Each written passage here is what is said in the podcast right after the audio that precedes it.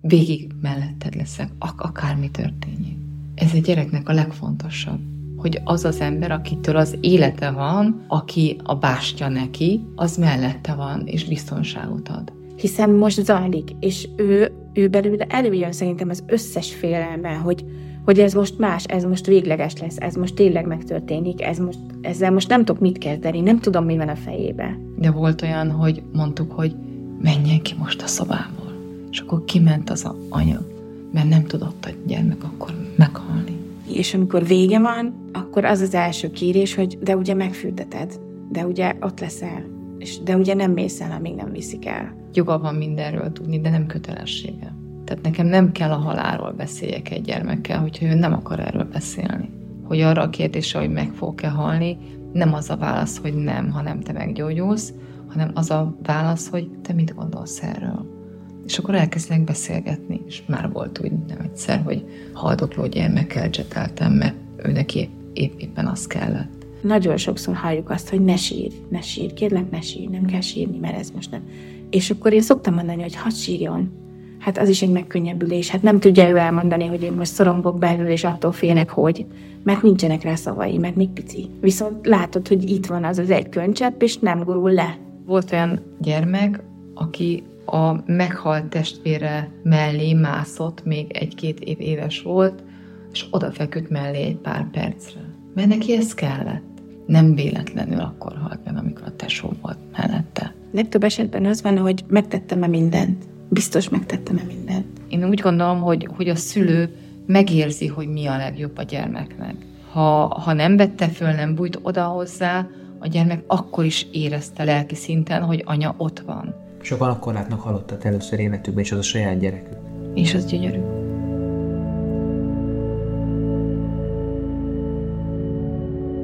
Nyelvekben van arra szó, ha meghalnak a szüleid. Árva vagy. De ha elveszted a gyereked, hát nincs rá szó. Átvitt értelemben is nehéz szavakat találni a veszteségre. A gyásznál megnémulunk. Nem csak az egyén, de a társadalom is néma, ha mindezzel szembe kerül, holott mindenki érintett. Érint most, vagy érinteni fog. Simonyi Balázs vagyok, és a némaság helyett a magyar hangja leszek a témának, itt a 24.hu-n másfél tucat adáson át. A Nincs Rá Szó podcast az elkerülhetetlen, mégis szép és méltó elmúlásról mutat be megható történeteket. A legsötétebb órákról, amik egyben a legtisztábbak is. A műsor nem titkolt célja a gyermek és felnőtt hospice tevékenység láthatóvá tétele. Nem pátoszosan, nem szemlesütve. Híres, közismert emberek beszélnek kifejezetten a halálhoz fűződő viszonyukról, és itt lesznek civilek, családok, haldoklók, életvéggel foglalkozó szakemberek, orvosok, pszichológusok, ápolók, akik megosztják személyes tapasztalataikat és érzéseiket. Köszönet illeti őket, hogy mindezt vállalták. Kezdjünk is akkor bele, mert ahogy a hospice jelmondata tartja, minden perc értékes.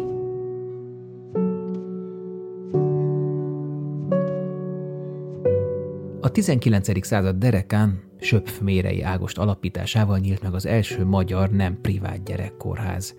A negyedik volt Európában, Párizs, Szentpétervár és Bécs után. A pesti Ötpacsirta utcában kezdetben 12 ágyon anyák ápolhatták a gyermekeiket, volt ambulancia, műtő, patika és korbonctan is. Az általános gyermekkórház később költözött, és lett belőle az egyes számú gyermekklinika, ami úgy tudni sosem zárt még be egy napra sem. Emellett számos más gyermekápoló intézmény jött létre. Két évszázaddal később a világ ismét meg és visszafordult, a kórházi osztályok mellett lehetőség van a szülőknek szakmai segítséggel otthon ápolni terminális állapotú gyermekeiket. Ugyanis gyermekhospic osztály Magyarországon nincs, de törekvések vannak régóta. Elsősorban polc ellen hatására. 1970-től a Tűzoltó utcai kettes számú gyermekklinikán dolgozott, ahol a nagyon súlyos beteg és haldokló gyermekek és hozzátartozóik pszichológusa volt. 1976-ban Magyarországon elsőként hozott létre klinikai osztályon játszószobát, illetve külön szobát a szülők számára. Majd 1991-ben többet magával életre segítette a Magyar Hospice Alapítványt. Azt is fontos tudni, hogy szerencsére és sajnos gyermekhospisszal az egész országban mindössze három csapat foglalkozik. A Magyar Hospice Alapítvány Fogda Kezem otthonápolási programja mellett intézményi ellátást biztosít Pécsen az Eurakviló, a Pécsi Tudományegyetem Gyermekklinika onkohematológiai osztályának alapítványa, illetve a Török Bálinti Tábitaház. Ezeknek a szervezeteknek adományt és egy százalékot is fel lehet ajánlani. Ennek fényében folytatjuk a Nincs Rászó második adásában megkezdett beszélgetést a Fogda Kezem otthonápolási program két tagjával. Dr. Gergely Anita, anesteziológus és intenzív terápiás szakorvos, a Betesda Gyermekkórház palliatív ellátásért felelős főorvosa. Kovács Mónika 30 éve gyerekápoló. Szintén a Betesda Kórház gyermekintenzív osztályán dolgozik, emellett jár ki súlyosan beteg vagy végstádiumban lévő gyermekekhez. Olyan utolsó időszak ez az életben, amikor minden pillanat megsemmisíti az előzőt, amikor a törődésre, empátiára, rugalmasságra, humorra, gyermekközpontúságra, feltétel nélküli elfogadásra, a bizonytalanság és a fájdalom enyhítésére kiemelten szükség van. Ebben az adásban beszélünk a haldokló gyerek saját gyászáról, haláltudatáról, kérdéseiről, megnyugtatásáról, a haldokló gyerek szüleinek tehetetlenségéről, teljes talajvesztettségéről. Tudhatjuk, milyen zsigeri érzés fut át rajtunk szülőkön, amikor valami kis dologért sír a gyerekünk. És elképzelhetjük, illetve nem is, mert ez elképzelhetetlen, hogy mi megy végbe egy síró, haldokló gyerek szüleiben ilyenkor. Beszélünk a gyermek által igényelt közelség fontosságáról még akkor is, ha a saját halál élménye megoszthatatlan. A haldoklásnál való jelenlétről, az elköszönésről, ami segít a feldolgozásban, az önvádról és a szülői gyászról. Arról, hogy másképp gyászol férfi és nő, apa és anya. A testvér bűntudatáról, a halál utáni rituálék fontosságáról.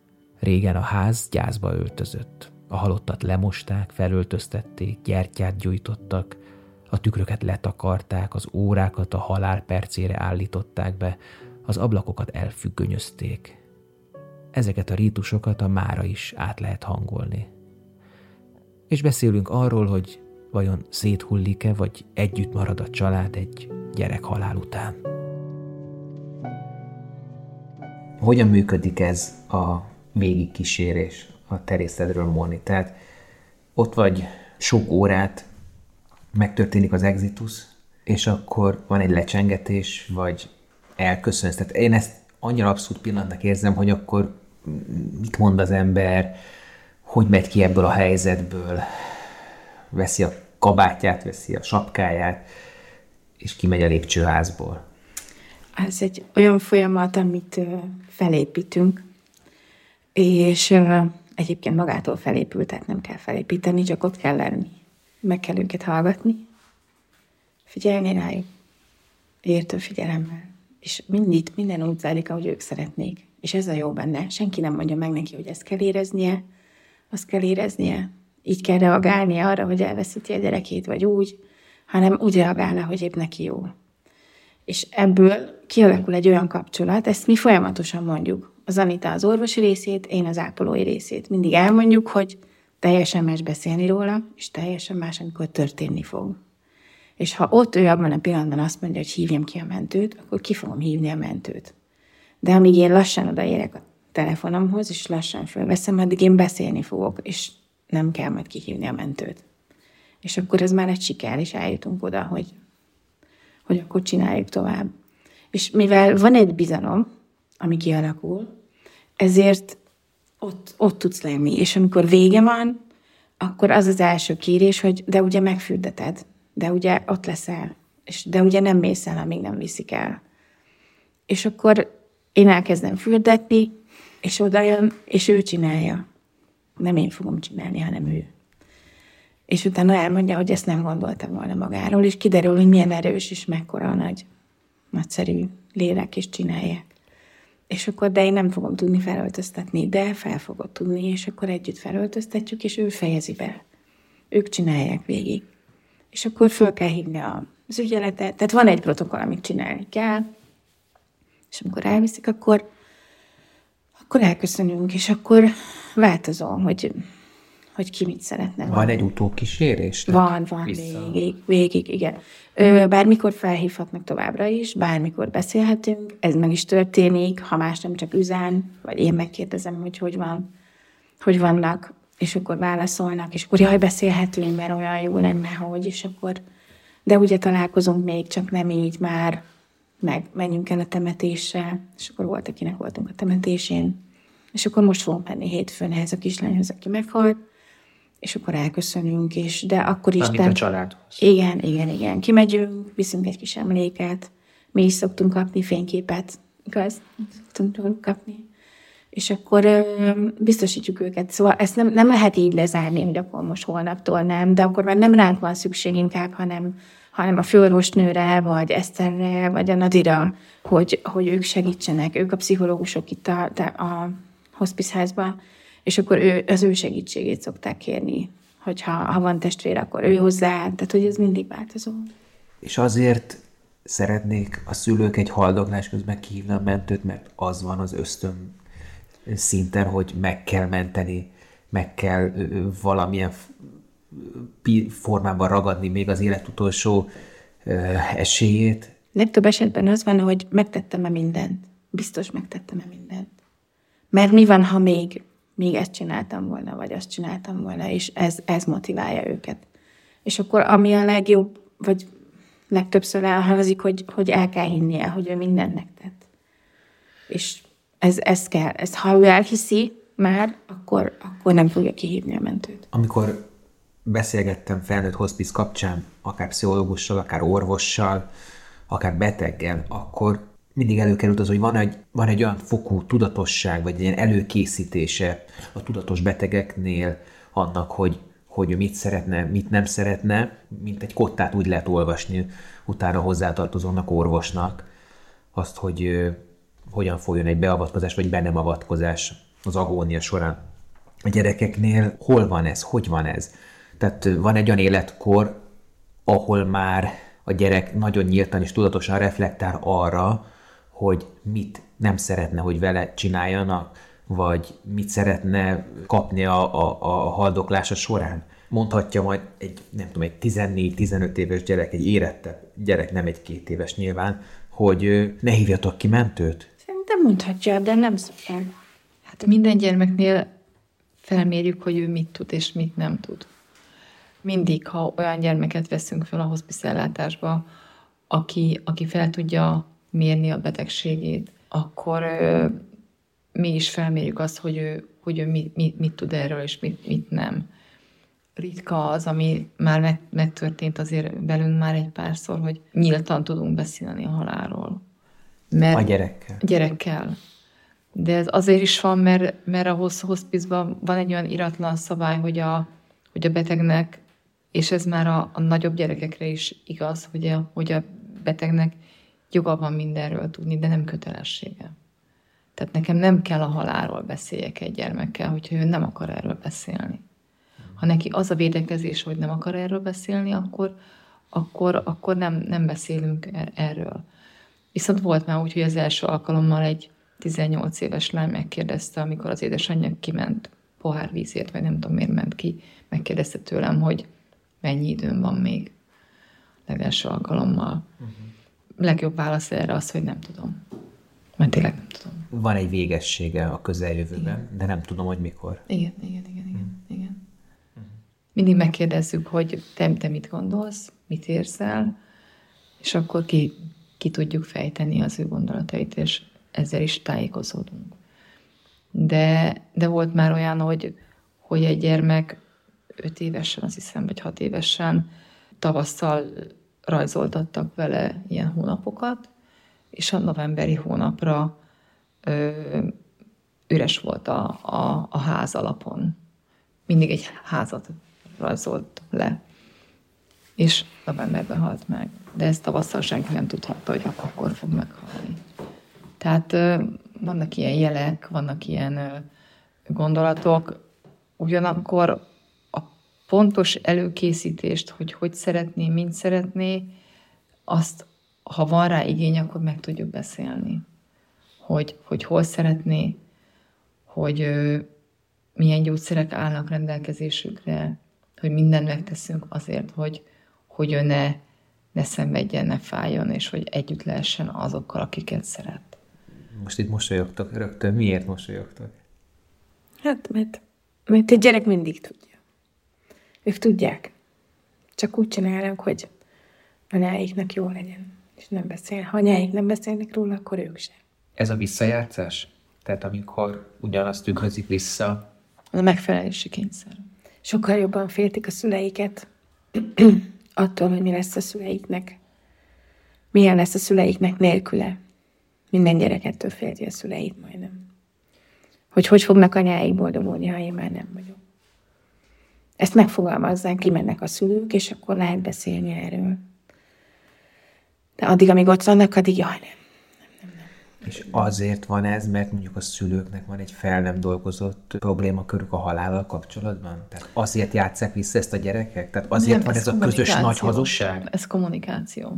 Az első ilyen élményem, az még, még az intenzív osztályon volt egy végstádiumú tumoros gyermekkel, aki éjszaka, ész, éjszaka nagyon sírt.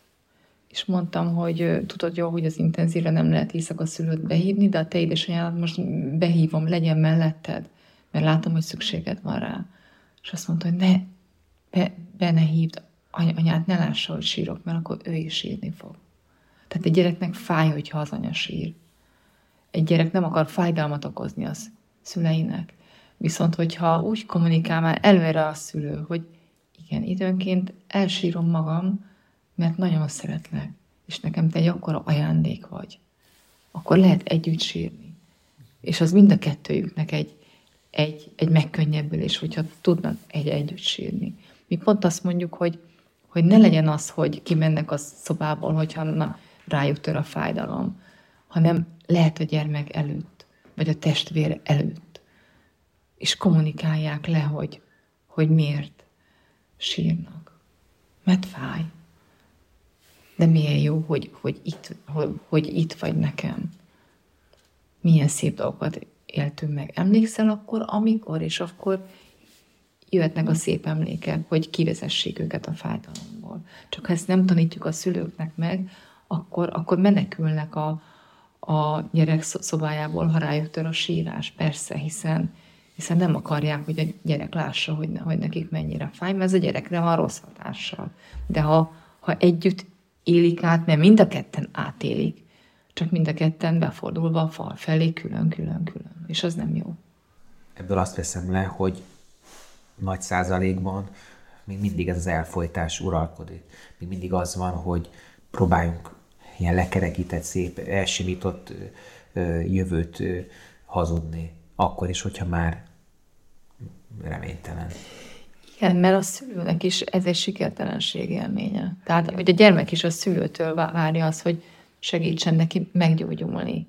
Holott már a gyermek lehet, hogy sokkal hamarabb tudja, hogy meg fog halni, csak nem meri mondani a szülőnek, mert a szülő elvárja tőle, hogy meggyógyuljon. Azt gondolja a gyermek. Mikor egy gyermek meg, megbetegszik, és bekerül a valamilyen kórház, valamilyen osztályára kezelés céljából, akkor mindenkinek az a célja, hogy meg, meggyógyuljon.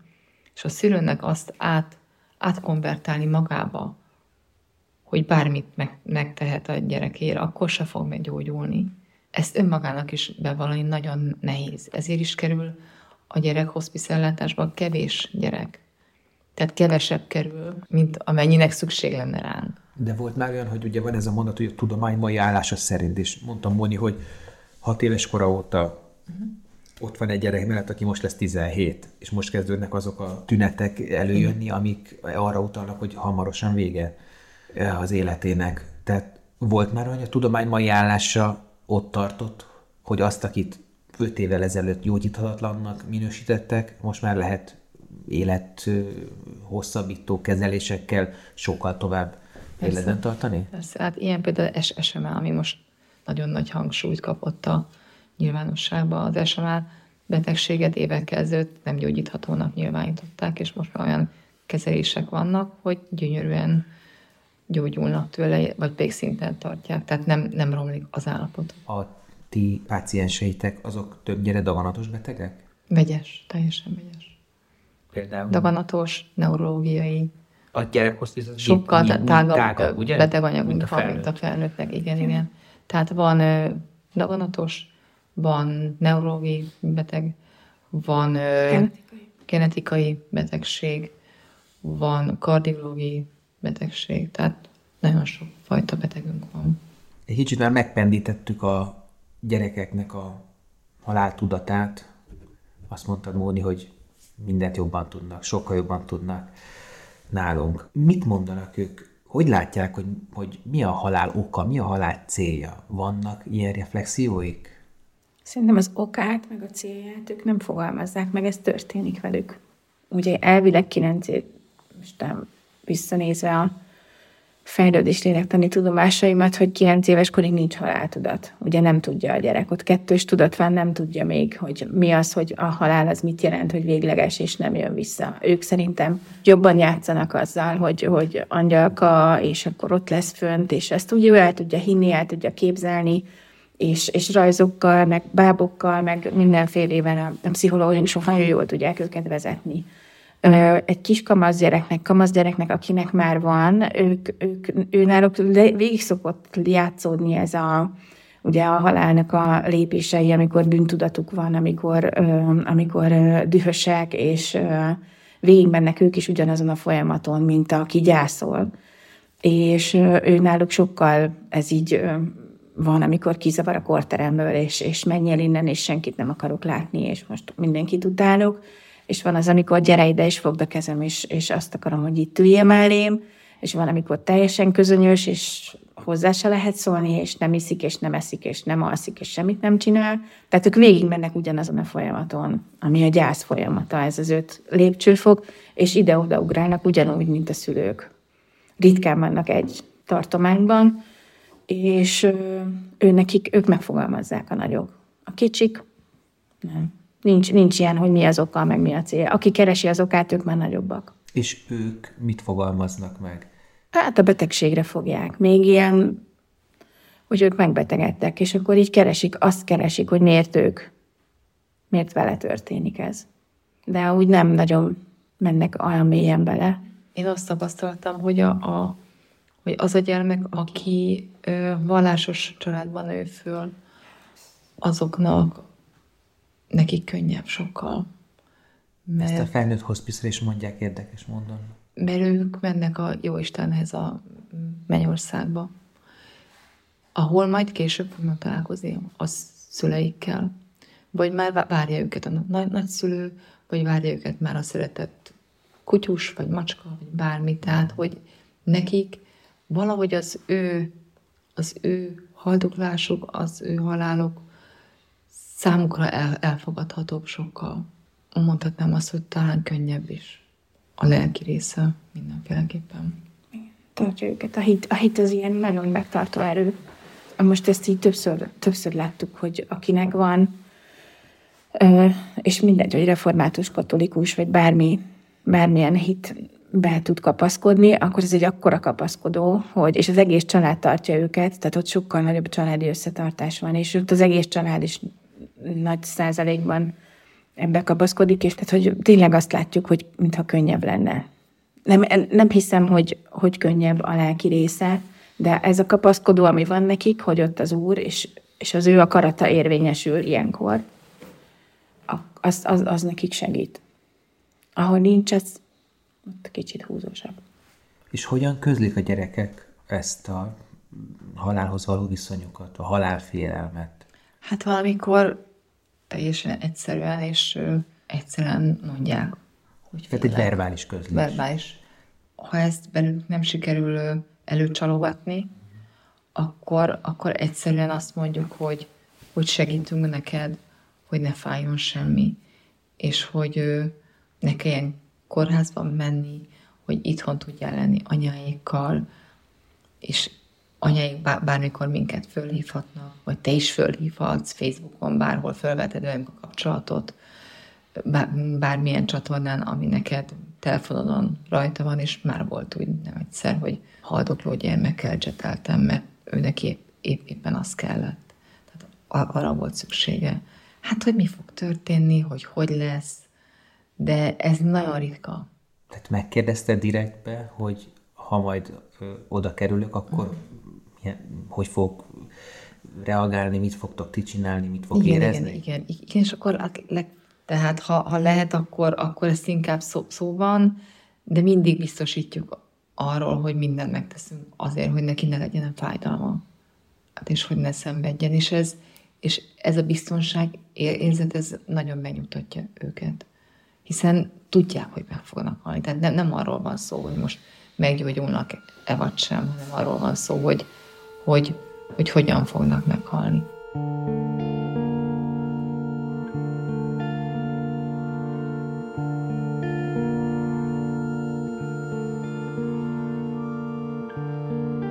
És inkább félnek, vagy inkább kíváncsiak? Hát félnek. Félnek. Mikortól félnek? Hiszen mondjuk egy tudom, fél éves gyerekben ö, maximum zsigeri szinten lehet ö, egyfajta haláltudat. Nincs haláltudat, nincs. Fél évesnek nincsen, később sincsen, még évekig nincsen. Tehát nincsenek jól, és ez már félelmetes, hogy nincsenek jól, vagy valami nagy változás megy végbe a testükbe. De, De az, már- ahogy van szeparációs szorongása a kisgyerekeknek, hogy hol van anya, sírnak, vár ja, ott, az de van. akkor ugyanez, ugyanez nem jelentkezik egy ilyen animális szinten, hogy, hogy most már nem csak az anyámtól fognak elszakítani öt percre, hanem az élettől is? Ettől nem félnek. Nem, mert ő pici még, azt Ezt ő nem fogja érti. föl. Ő csak attól fél, hogy megint meg fogják szúrni, megint jön egy néni vagy egy bácsi, aki valamit akar tőle, akár vizsgálat, elviszik anyától, ez, ez egy rettegés. Tehát hogy ugye azért is vannak úgy kialakítva már az osztályok, hogy ott vannak a szülők, és vizsgálatnál is bent lehetnek, főleg ilyen onkológiai betegeknél, de, de mi is beengedjük őket már is pont ezért, hogy, hogy egy anya jelenléte az már egy szorongás és félelemoldó. Mert mi csak ilyen fehérköppenyes valakik vagyunk, akik oda megyünk és szúrunk rajta. Vagy bevisszük egy vizsgálóba, ahol anya nem lehet ott, mert éppen sugárzás van, vagy bármi, amit csinálunk. A hospice nincs ilyen, ugye mi már nem Jó. csinálunk ilyen ö, folyamatokat, viszont azokat a ki nem mondott dolgokat, amit, amit a, a, mi látunk a gyereken, de a szülő is fél kimondani, én nem félek kimondani, mert, mert látom, hogy szorong és, és fél, akkor, akkor én ki fogom mondani, hogy nyugodtan félhetsz, és nyugodtan lehetsz dühös, és nyugodtan lehetsz most mérges mindenkire, nyugodtan bármit megfogalmazhatsz, hogyha akarod, és sírhatsz is, mert mi nagyon sokszor halljuk azt, hogy ne sírj, ne sírj, kérlek, ne sírj, nem kell sírni, mert ez most nem. És akkor én szoktam mondani, hogy hadd sírjon, Hát az is egy megkönnyebbülés. Hát nem tudja ő elmondani, hogy én most szorongok belül, és attól félnek, hogy. Mert nincsenek rá szavai, mert még pici. Viszont látod, hogy itt van az az egy könycsepp, és nem gurul le.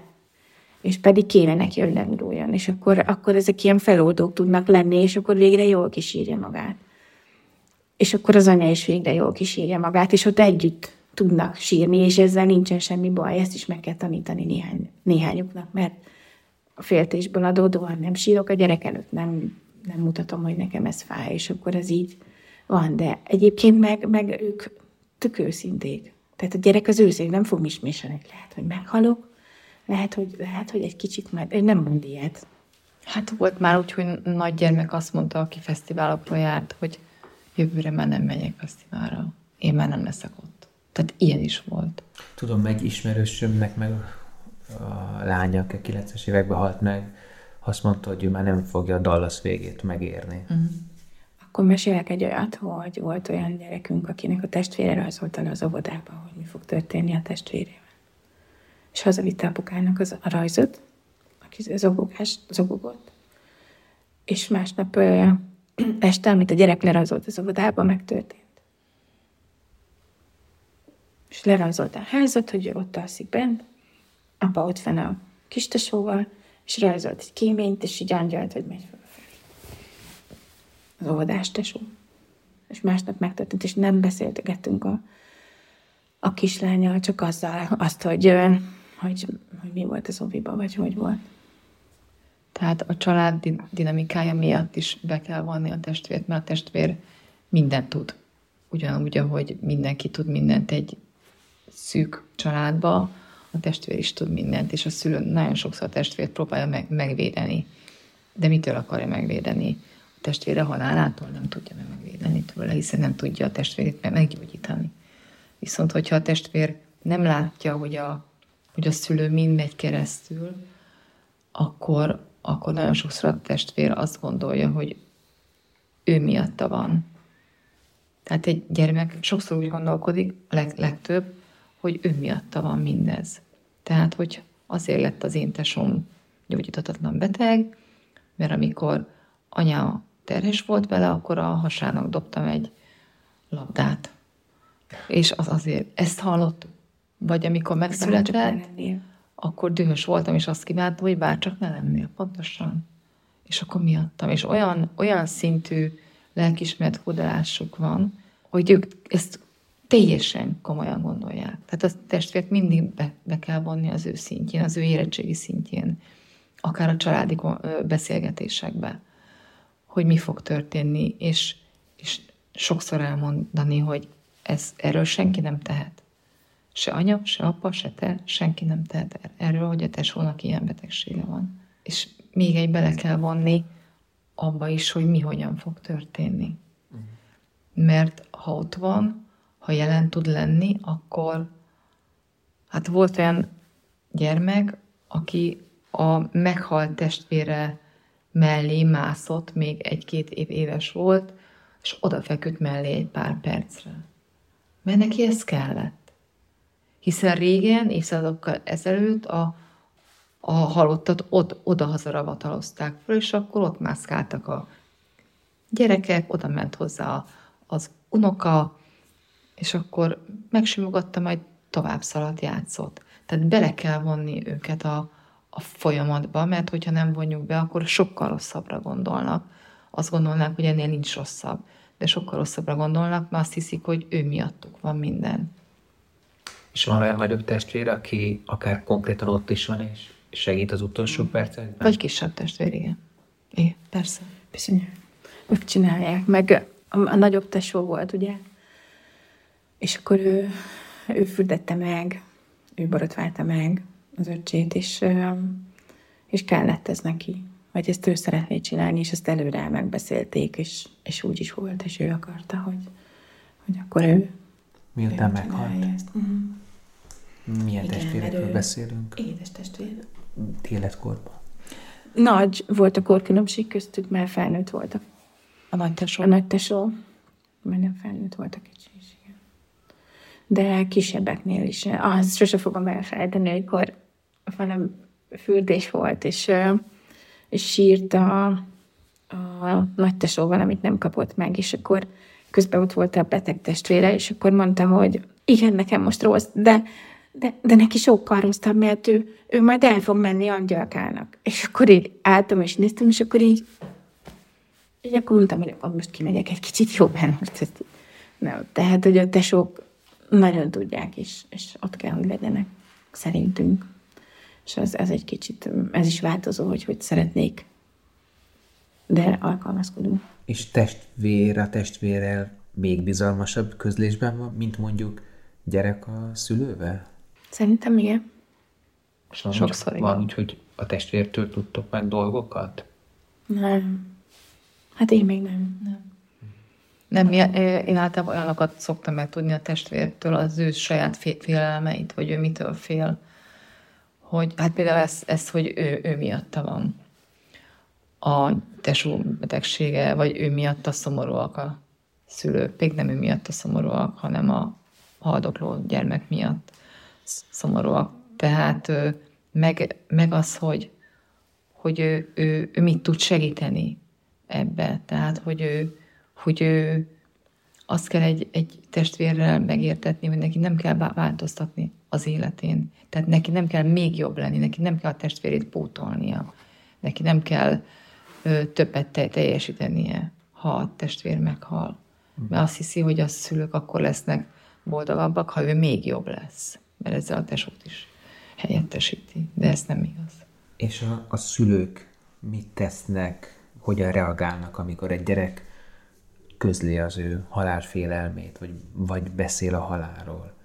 Elütik, rászólnak, figyelmeztetik, bagatelizálják, humorizálnak, terelnek, meg se hallják, agresszívak lesznek.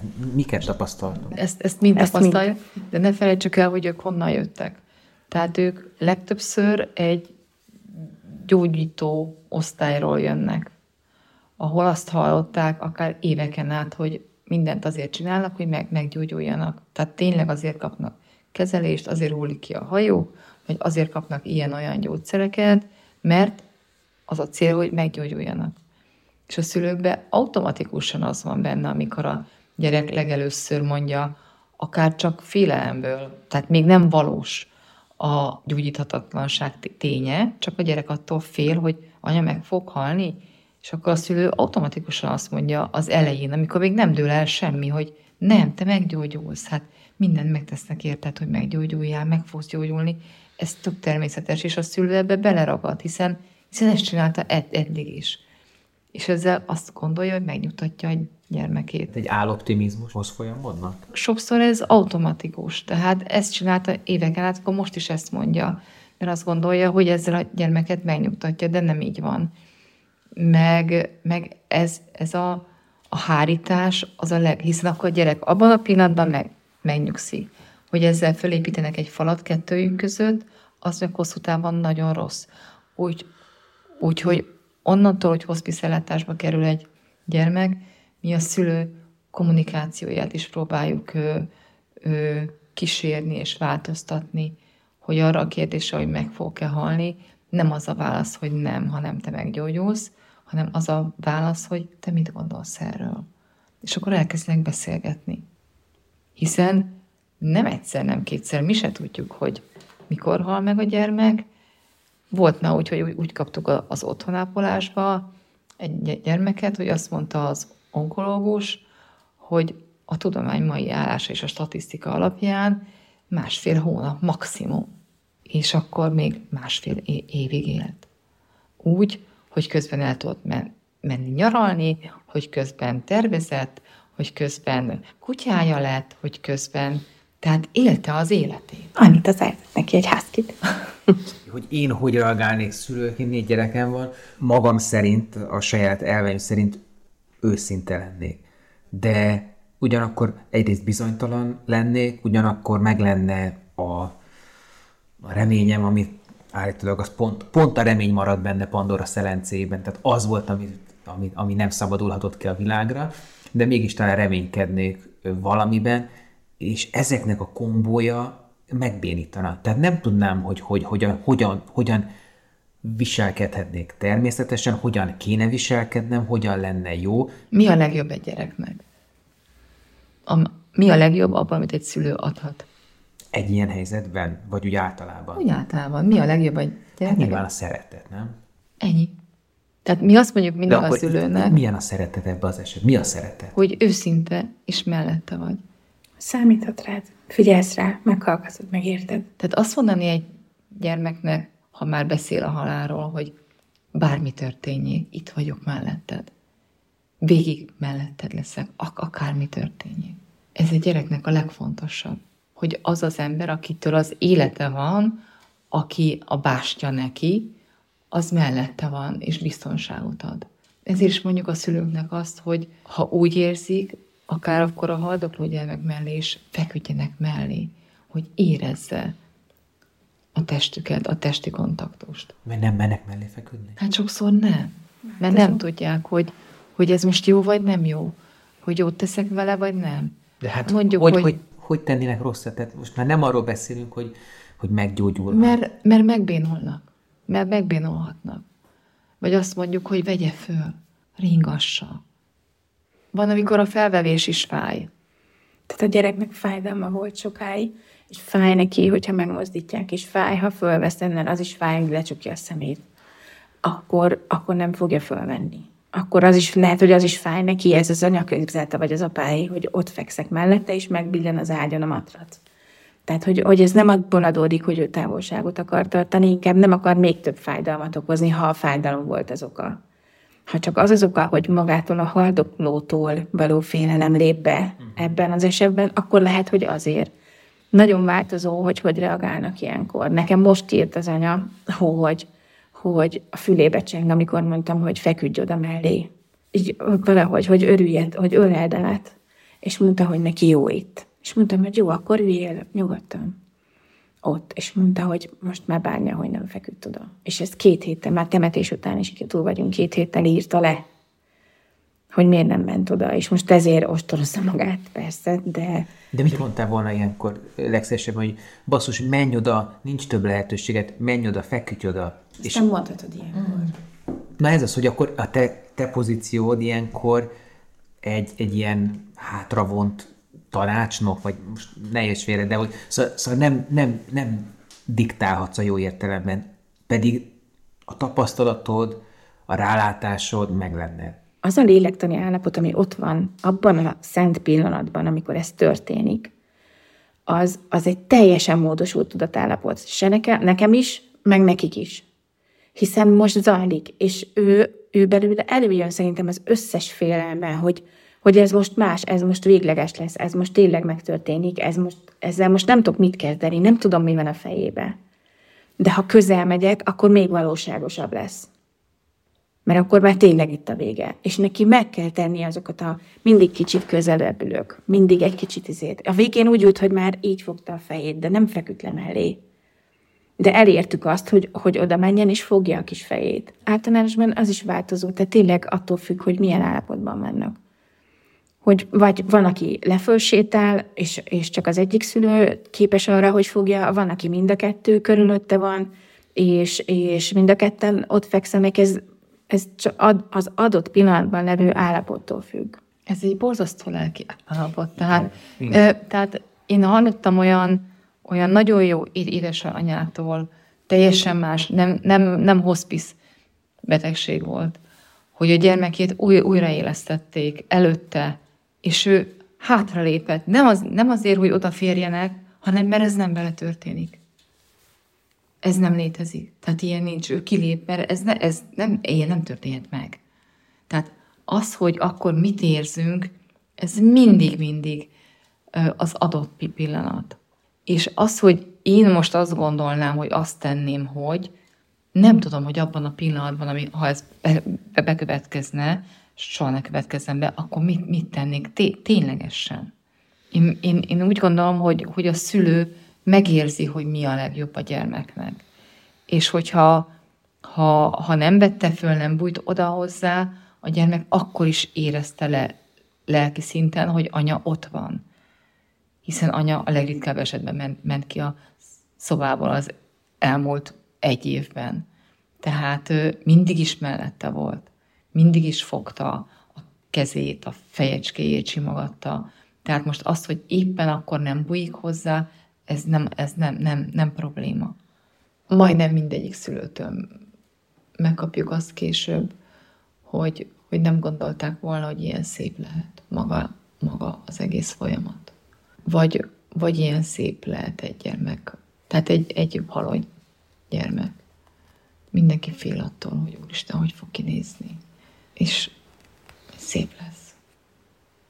Ha sikerül felkészíteni a családot, ha sikerül elfogadni azt, hogy tényleg mindent megtettek a gyermekükért, és, és sikerül felkészíteni őket, és sikerül a tüneteket megfelelőképpen csökkenteni, vagy megszűnt, leginkább csökkenteni, akkor, akkor eljöhet a meg, megbékélés és, és az elfogadás, és hogyha ez megvan a szülőknél, akkor a gyermek is ezt érzi, és nincs az a, az a rengeteg fölösleges stressz, hogy, hogy hogy viselkedjek, hogy anyának ne fájjon, mit mutassak, hogy a legjobb legyen, és vice versa.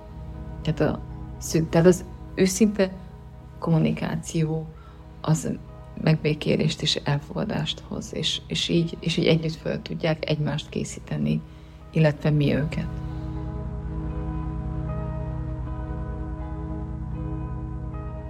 A gyerek és a halál kapcsolatát Kosztolányi Dezső érzékletesen írta meg az Ó a halál című versében. Mi ismerjük csak pici gyerekek, utunkba áll, s könnyes pityergő szájunk megremeg. Ó a halál! A játszótársunk és tréfál velünk, rohanva száll, ő a fogó, és jaj, jaj, jaj nekünk. Tépázza gallérunk, ijedve forgunk, és kacagás közt betöri az orrunk kutakba látjuk, mély vizek felett, sötét szobákba kuksol reszketeg, lepedőben.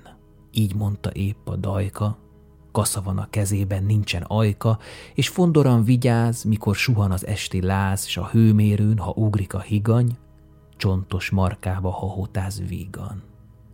Övé a bál, ő a halál. Farsangos éjjen a nagyok mulatnak, de kis szobánkba fekete az ablak, az éjbe kint, ő ránk tekint, mi gyermekek, mi küszködünk vele, s játékpuskánkat fogjuk ellene. 1936-ban, épp abban az évben, amikor Kosztolányi Dezső elhunyt, Nagy Mária Ilona mérte fel először, tette kutatás tárgyává, hogyan alakul, hogyan fejlődik a gyermekek haláltudata. Számos nyugati lexikon szerint vele kezdődik a halál tudományos megismerése, a tanatológia. Nagy Mária Ilona felismerései még ma is érvényesek, miközben világunk nagyot változott.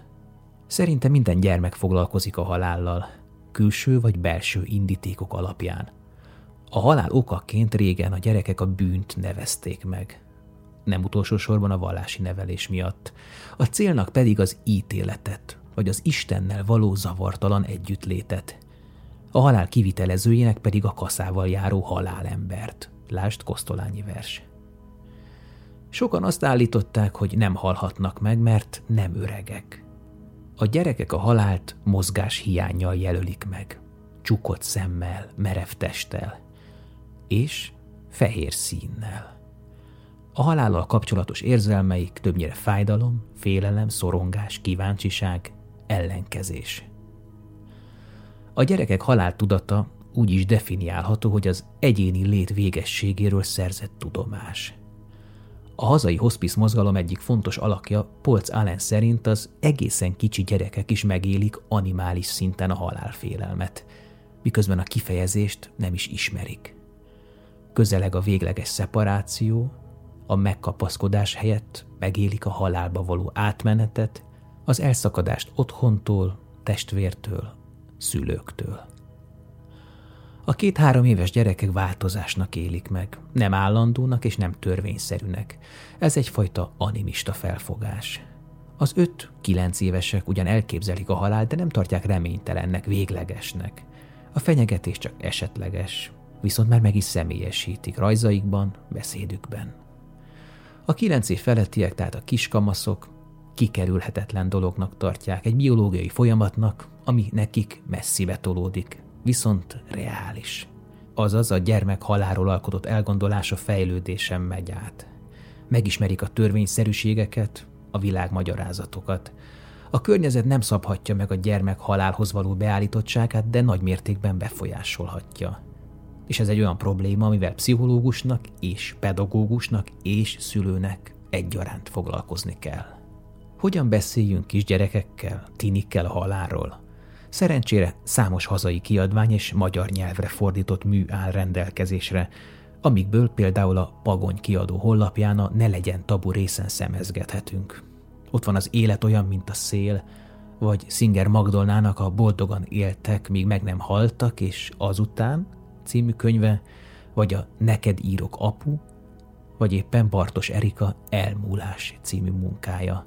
Ezek jó kiindulási pontok lehetnek a gyereknek, felnőttnek, sőt a felnőtteknek ajánlatos lenne elolvasni éppen Polc Allentől a Meghalok én is, vagy éppen a Gyermek a halál kapujában. Az agresszió eluralkodott a világon, a média fejlődése folytán az egész életünket átszövik a halálról szóló hírek, a halál képei. A gyerekek is többnyire a tárgyiasított, fikcionalizált halállal találkoznak. A gyerek joggal kérdezi, ha mindenkit megölnek, ki mondja majd be a tévében. Lezuhant, lelőtték, megölték, feldarabolták, felrobbantották. Háború itt és ott. Szirénák, természeti katasztrófák, közúti balesetek, halálos gázolás, ezek mindennapos hírek a médiában. Sőt, felnőttek ölnek gyermekeket, gyermekek ölnek gyermekeket. És ott vannak a mindennapi krimik, akciófilmek, címlapok, találós kérdések, ki a gyilkos a sorozatban. Ez lett a halál élményük. Ezt kapják a gyermekeink. Majdnem soha semmit a természetes, békés halálról. A társadalmi tabusítás miatt valóságos halottat, aki békésen hal meg, alig lát. Talán sosem. Temetést is a médián keresztül. Esetleg egy kötelező kör november 1-én a temetőben halottak napján. A természetes halál és magyarázata kiiktatódott. Hiányzik a gyermek életéből. Mint az özönvíz, úgy öntötte el gyermekeinket a halál, az agresszív halál, és nem tudnak úszni. Hogyan kezeljük mi a halál kérdését? Tudjuk-e egyáltalán mi felnőttek kezelni? Hogyan segítsük őket eligazodni? Mit mondjunk, ha kérdeznek? Mert hogy a kérdést rendszerint azzal intézzük el, hogy a gyermek kicsi, úgysem érti, ez neki félelmetes. Amikor már nagyobb, úgy is látott, hallott már eleget, kikupálta önmagát. A felnőttek nem beszélnek a halálról a gyereknek, nem adnak felvilágosítást. Így magára hagyják a gyereket ezzel a súlyos problémával. De minél kevesebb felvilágosítást kap egy gyerek, annál nagyobb érdeklődéssel keresi az összefüggéseket. Esetlegességekből, tévedésekből alakul ki a halálképe. Látható, hogy mindannyian felelősek vagyunk a gyermek haláltudatáért, és keveset tudunk nyújtani a halálkultúrával kapcsolatban. A gyereknek nem csak a kérdezés, de a közlés vágya is erős. Társat keres a félelemben, és segítséget kér, meg akar könnyebbülni. Direkten vagy indirekten szóba hozzák a halált, utalnak rá, tréfákba csomagolják, direkt vagy szimbolikus rajzba, mesébe, játékba transformálják, metakommunikációval vagy profetikusan jelzik, megálmodják és elmesélik, vagy áttolják másra, más nevében, egy barátjuk nevében beszélnek a saját halálukról. És mit tesznek a felnőttek a gyerekek halálfélelemmel kapcsolatos közléseire? Meg sem hallják, nem értik, terelni kezdenek, másról beszélni, valami tevékenységbe menekülnek, leszítják, figyelmeztetik, bagatelizálják a dolgot, elhárítják humorral, vagy áloptimizmussal válaszolnak, vagy, és ez elég gyakori, agresszíven elutasítják a témát. Polc Allen írja a gyermek kérdezősködése kapcsán, hogy az életnek ezek olyan komoly pillanatai, amiket nem szabad elsietni, félretolni. Segítik a megbékélést, a halál elfogadását. Hagyni kell benne elmélyülni, vele menni érzésben. Ha ezt megértjük, megtesszük, neki is, nekünk is könnyebb. Akkor és utána. Nem nehéz, csak elfelejtettük. Elszoktunk tőle. A felnőtt társadalom még mindig elzárkózik, és meglepődve veszi tudomásul, tiltakozik, ha a gyermekekkel a halálról szeretne valaki beszélni. Érzik a felnőttek is a dolog sürgető voltát, de nem tudnak mit mondani. Amíg nem tisztázza a felnőtt társadalom a halálhoz való viszonyát és iszonyát, addig a mindennapi élmények ellenére továbbra is tabu marad a halál, a gyász. A hozzátartozók a nagyfokú azonosulás miatt, el nem intézett saját komplexusaik miatt elhárítják a gyermek ezen problémáját, miközben minden az arcukra, a szemükbe van írva. A gyermek környezete magatartásában, mint tükörben látja saját állapota súlyosságát.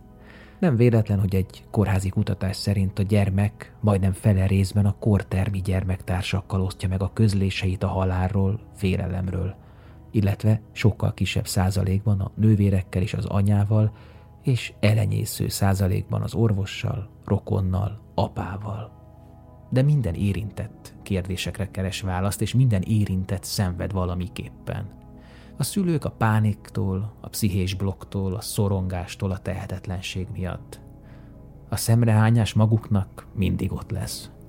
Az orvosok szintén frusztrálódnak a kudarc élmény miatt hogy véget ért az eszköztáruk, hogy tehetetlenek. Mindezt súlyosbítja a gyerek halálfélelme, a hárítás és az álnyugtatás. Vagy ott vannak a nővérek, a közvetlen testi gondozók. Ők az empátia és ismét a tehetetlenség és akár a saját fel nem dolgozott halálfélelmük miatt szintén hárítanak.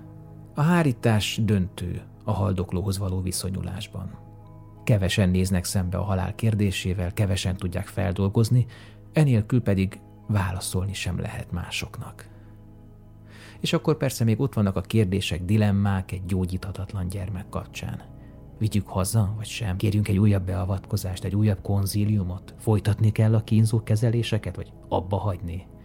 erőszakoljuk az evést, vagy ne kínozzuk vele a beteget. Jöjjenek a látogatók, vagy zárjon össze a szűk család. Koncentráljunk a gyógyulásra, vagy engedjük el, és jöjjön az élményterápia, a kényeztetés. A gyermekhospice valódi válaszokat, választási lehetőségeket kínál mindezekre az élet végén. A kórházakkal szemben ezek szoktak lenni az ellenérvek. A gyermeket folyton kezelik, vizsgálják, szúrják. Ebben a technicista idegen környezetben izolálódhat, szenved az otthon elvesztésétől, és a család is megsíndi, széthullhat, szétforgácsolódhat, mert például az anya nem tudja otthon ellátni a feladatait, betölteni a szerepét, és ugyanakkor a kórházban is lenni a gyerek mellett. Általánosan a kórházak mellett az szólhat gyermek esetében, hogy biztonságot ad az az érzés, hogy mindent megtesznek érte az utolsó pillanatig. A reménykedés tovább fenntartható, az orvos kéznél van akut bajnál, és a kínzó emlékek színhelye nem az otthon, hanem egy semleges terület. És még jó pár dolog, de át is adom a szót dr. Gergely Anitának és Kovács Mónikának.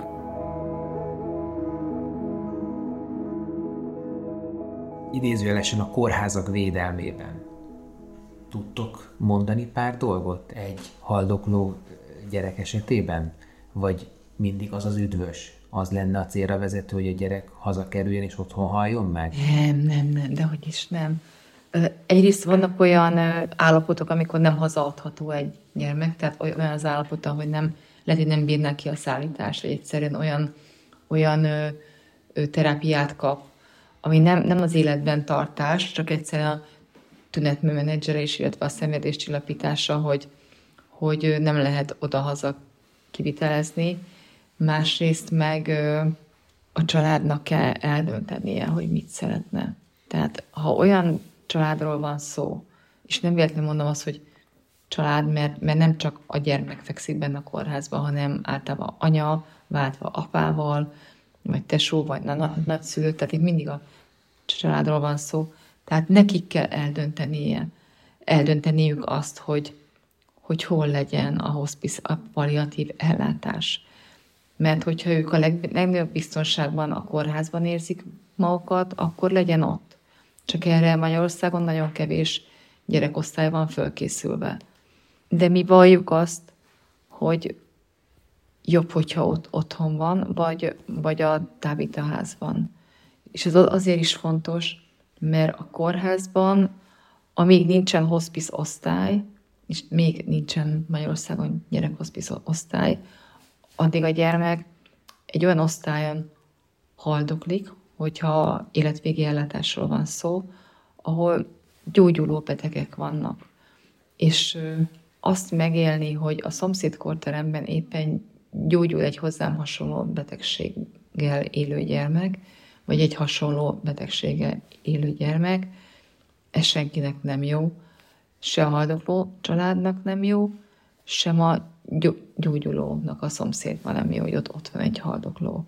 A dolgozóknak sem jó, hiszen be, bemennek a gyógyulóknak lévő gyógyulókortermébe, mosolyogva, azt, azt mutatva, hogy mindent megteszünk, hogy te meggyógyuljál, de ugy, ugyanezzel a, akár vidámsággal nem mehetnek be a haldokló kortermé, mi, mi, kortermébe. Egy kórházban leginkább vannak mindenféle házirend, szabályok, vizitek, hőmérőzés, stb. Ami kötelező, hiszen, hiszen így tudják a gyógyulni, vágyó gyermekeket a legjobban gyógyítani. Egy életvégi ellátásnál ilyen nincsen. A hospice ilyen nincsen.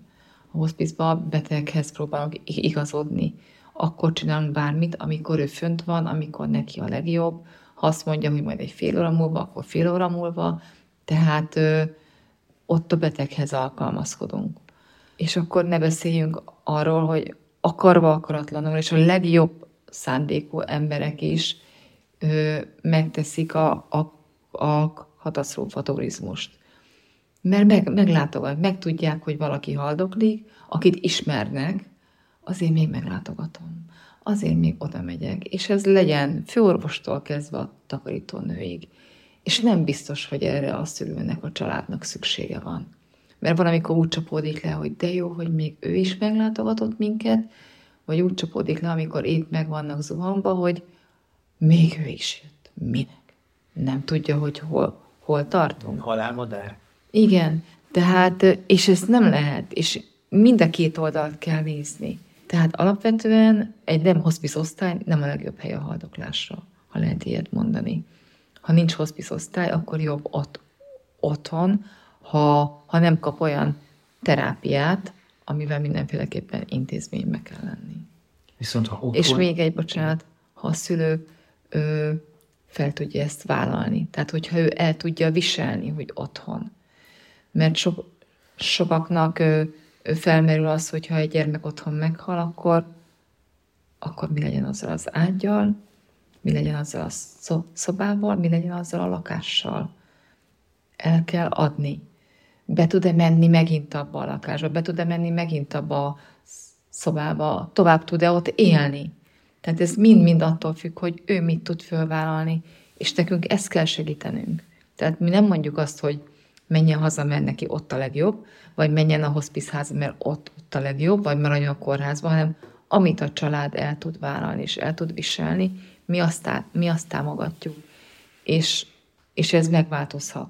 Tehát ha a szülő azt mondja, hogy nekem a kórház adja a legnagyobb biztonságot mindenki kényelmetlenséggel együtt, de egy hónap múlva azt mondja, hogy oké, okay, felmértem, hogy otthon is ezt tudom csinálni, ha meg, megvan a megfelelő háttér hozzá, tehát egy hospice team, akkor haza tudunk költözni, és akkor haza költöznek.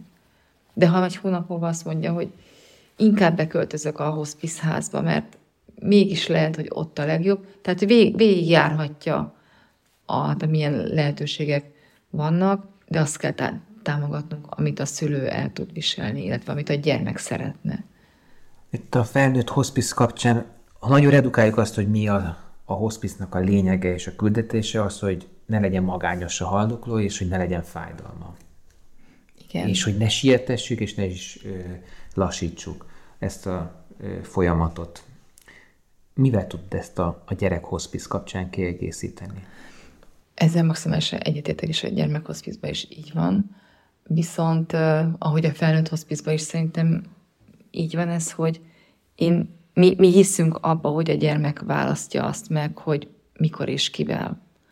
Tehát volt olyan, hogy hiába volt ott az, az, az édesanyja 0-24-be a gyermek mellett, akkor halt meg, amikor az anya kiment a szobából pisilni mert már nem tudta tartani. De ott volt mellette a tesó.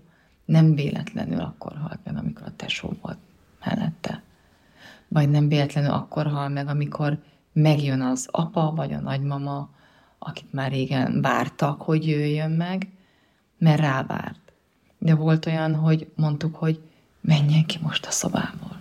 És akkor kiment az anya, mert nem tudott a gyermek akkor meghalni.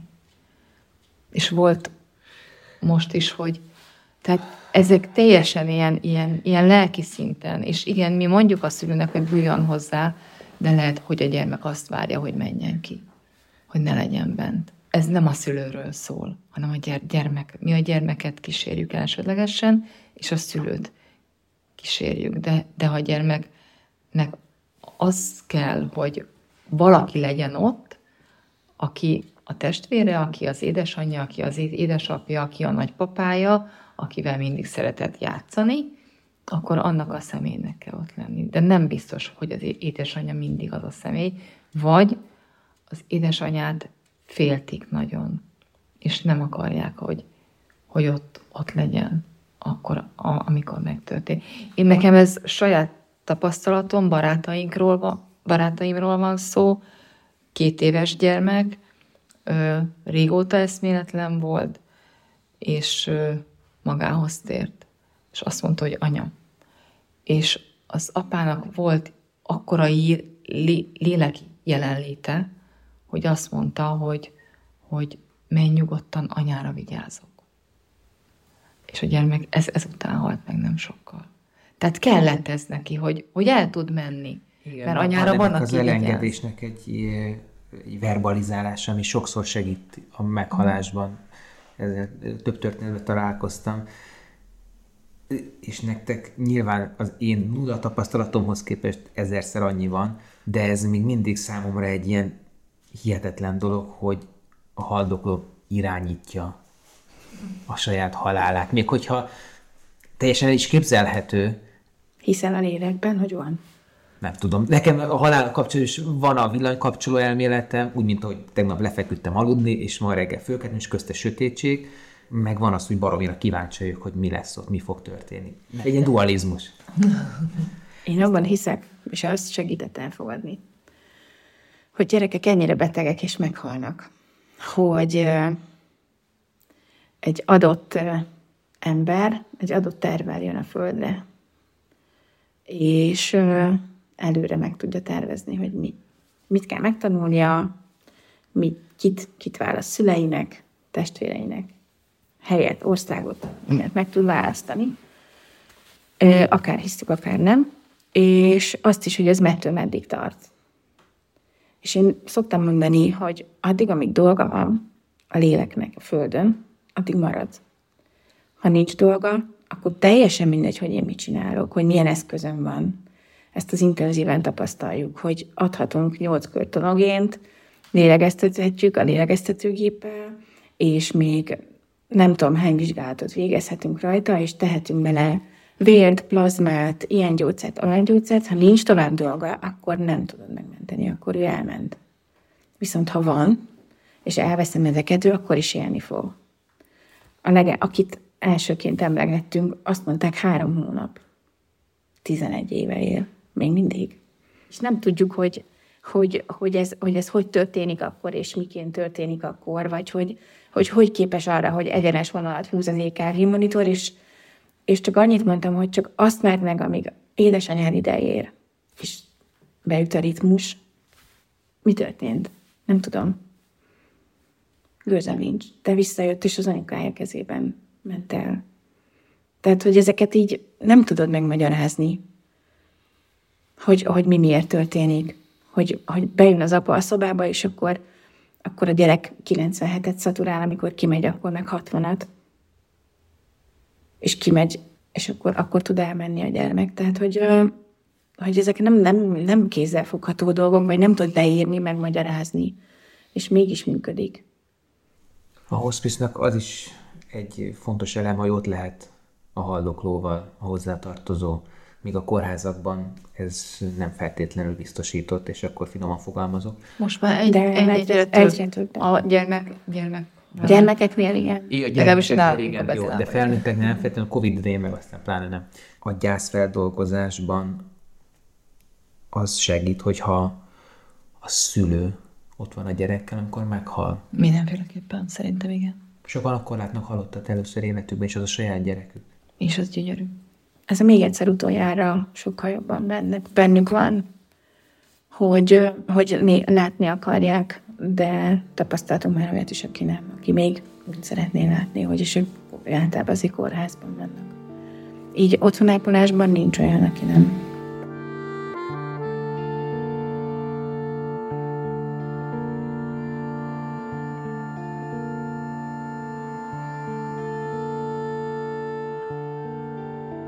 csinálnak az utolsó napjaikban a gyerekek?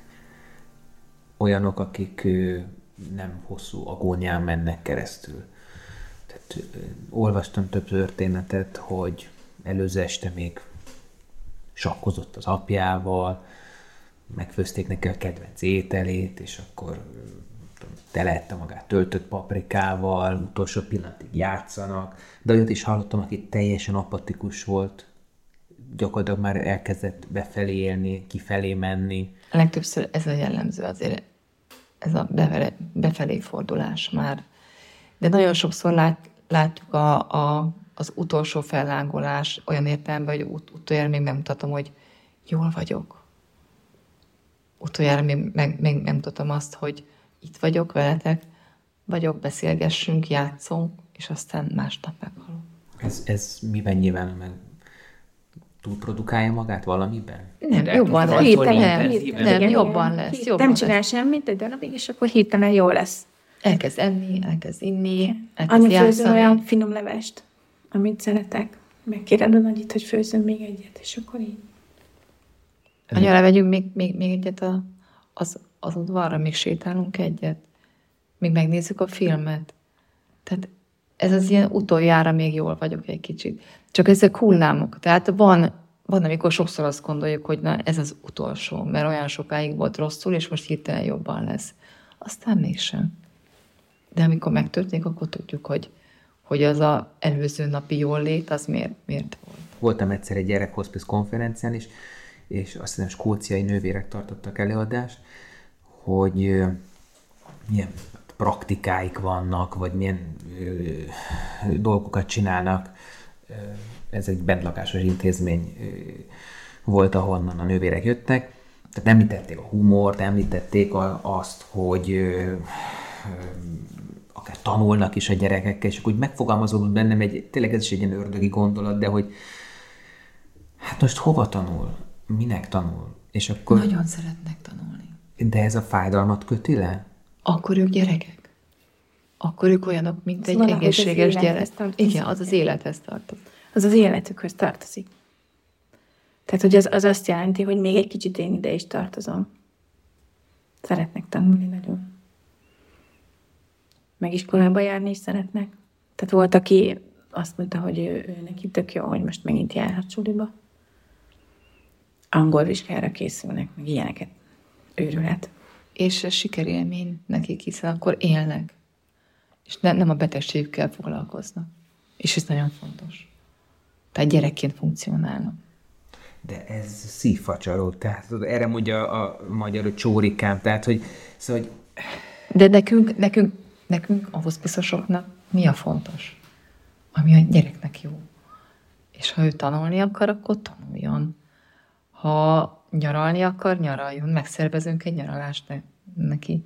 Ha legógyárba akar menni, menjen legógyárba. Volt, hogy megszerveztük, hogy mentővel ment volna a gyermek legógyárba. a beszélgetés elején, meg most is mondtad, hogy a, hogy a szülőknél van egy hárítás, akár nagyon hosszú ideig. Ez fakadhat, nem tudom én, a pánikból, valami pszichés blokkból, vagy, vagy a, a tehetetlenség miatti szorongásból, vagy, vagy a reménykedésből. Beszéltük azt is, hogy az orvosoknál van egy olyan hárítás, a, a gyógyíthatatlanság beismerésének tudatában is, hogy ugye az kudarc lenne, hogyha feladnák.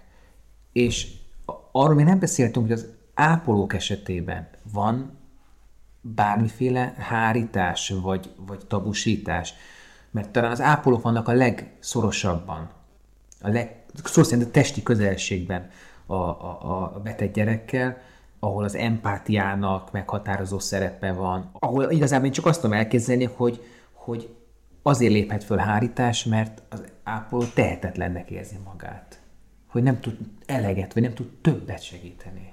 Ezt így mm, fogalmazzák a kollégák, hogy, hogy ezt a legrosszabb elhinni, hogy nincs tovább, és nem tudok segíteni.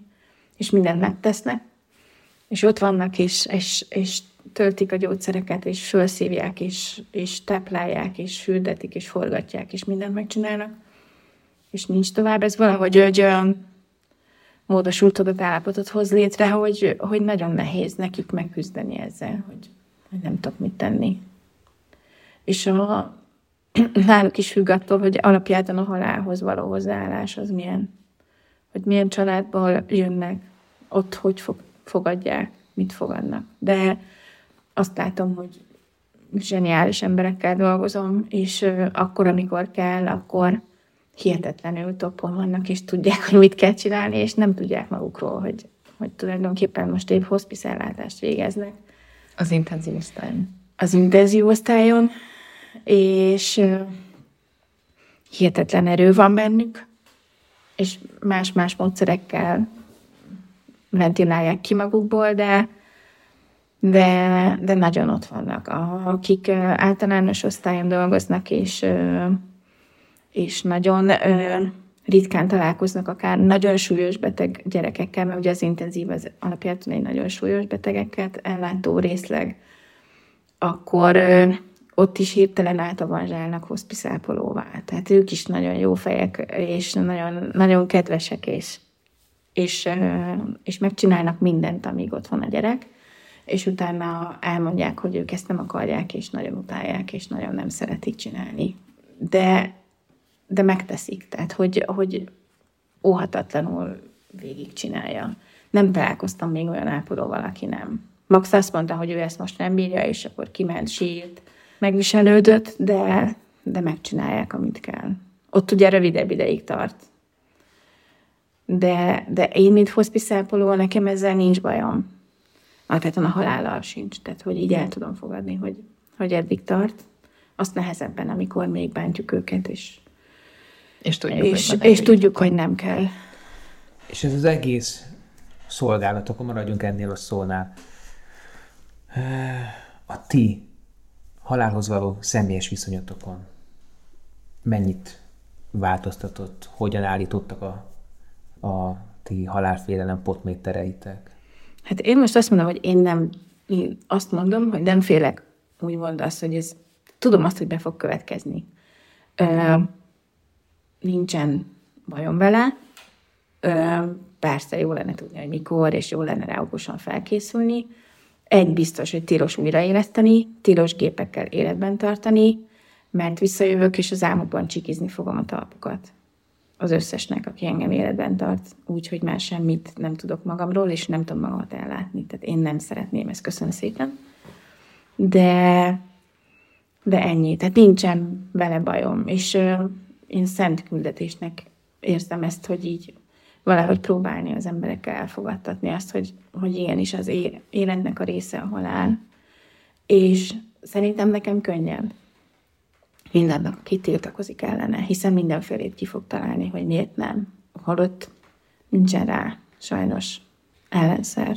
Ha menni kell, akkor menni kell. Csak emberhez méltóan szeretném csinálni. Így összességében ennyi. Szerintem a hospice csak azt tudja csinálni így jól, vagy próbálja jól csinálni, aki elfogadja a saját halálát. Tehát ha nem fogadnám el, akkor, akkor nem, nem, nem tudnám. De az életünk része a halál. És én nekem nagyon fontos az, sokan mondják azt, hogy az a legjobb halál, ha hirtelen. Szerintem meg nem, mencs Isten. Nekem adjanak egy hetet körülbelül, hogy el tudjak köszönni azoktól, akitől el szeretnék. És tőlem is el tudjanak köszönni, mert nekik legalább olyan fontos, vagy fontosabb, mint nekem, mert ők maradnak életbe. De, de legyen rá felkészülés. Tehát legyen, legyen elköszönés, legyen felkészülés, és igen, ne tartson sokáig. Tehát az biztos, hogy nem szeretnék hónapokon át. De, de egy hét, én, én az édesapám halálnál, hal halálnál láttam, hogy az egy hét az anyunak mit adott. Tehát az elfogadást adta, és, és, és a meg, megbékélést. És el tudtunk köszönni, és ez nagyon-nagyon fontos, hogy a unokái is el tudtak köszönni. És ez, ez egy gyerek halálánál, egy gyermek halálánál meg hat, hatványozódik, hogy, hogy föl tudjanak készülni rá. Ne, ne legyen hirtelen, mert, mert a hirtelen halál az szerintem Szerintem Nagy senkinek nem jó. Ez Tehát tragédia. a, az az igazi sok. Ilyen teljes bizonytalanság. Ha, ha, ha föl tudunk rá készülni, szenvedésmentesen, vagy fájdalommentesen, vagy minimálisan, az sok, sokkal, az, az nekem emberséges, elfogadható is. És az jöhet. Persze nem most, hanem majd később. Eddig tartott most a Nincs rá szó itt a 24.hu-n. De ígérjük, lesz még szavunk beszélni az élettől való búcsúzásról. A hospice intézmény rendszere évtizedekkel ezelőtt azért jött létre, hogy a nem gyógyítható, daganatos betegek fájdalmát csillapítsa, a méltóságukat az utolsó pillanatig segítse megőrizni, és a hozzátartozóknak lelki támogatást nyújtson. Természetesen térítésmentesen. Teszi mindezt túlnyomó részt adományokból. Ha megérintett az adás és segítenél akár támogatással, akár önkéntes munkával, akkor keresd a Magyar Hospice Alapítványt. www.hospice.hu hospizház.hu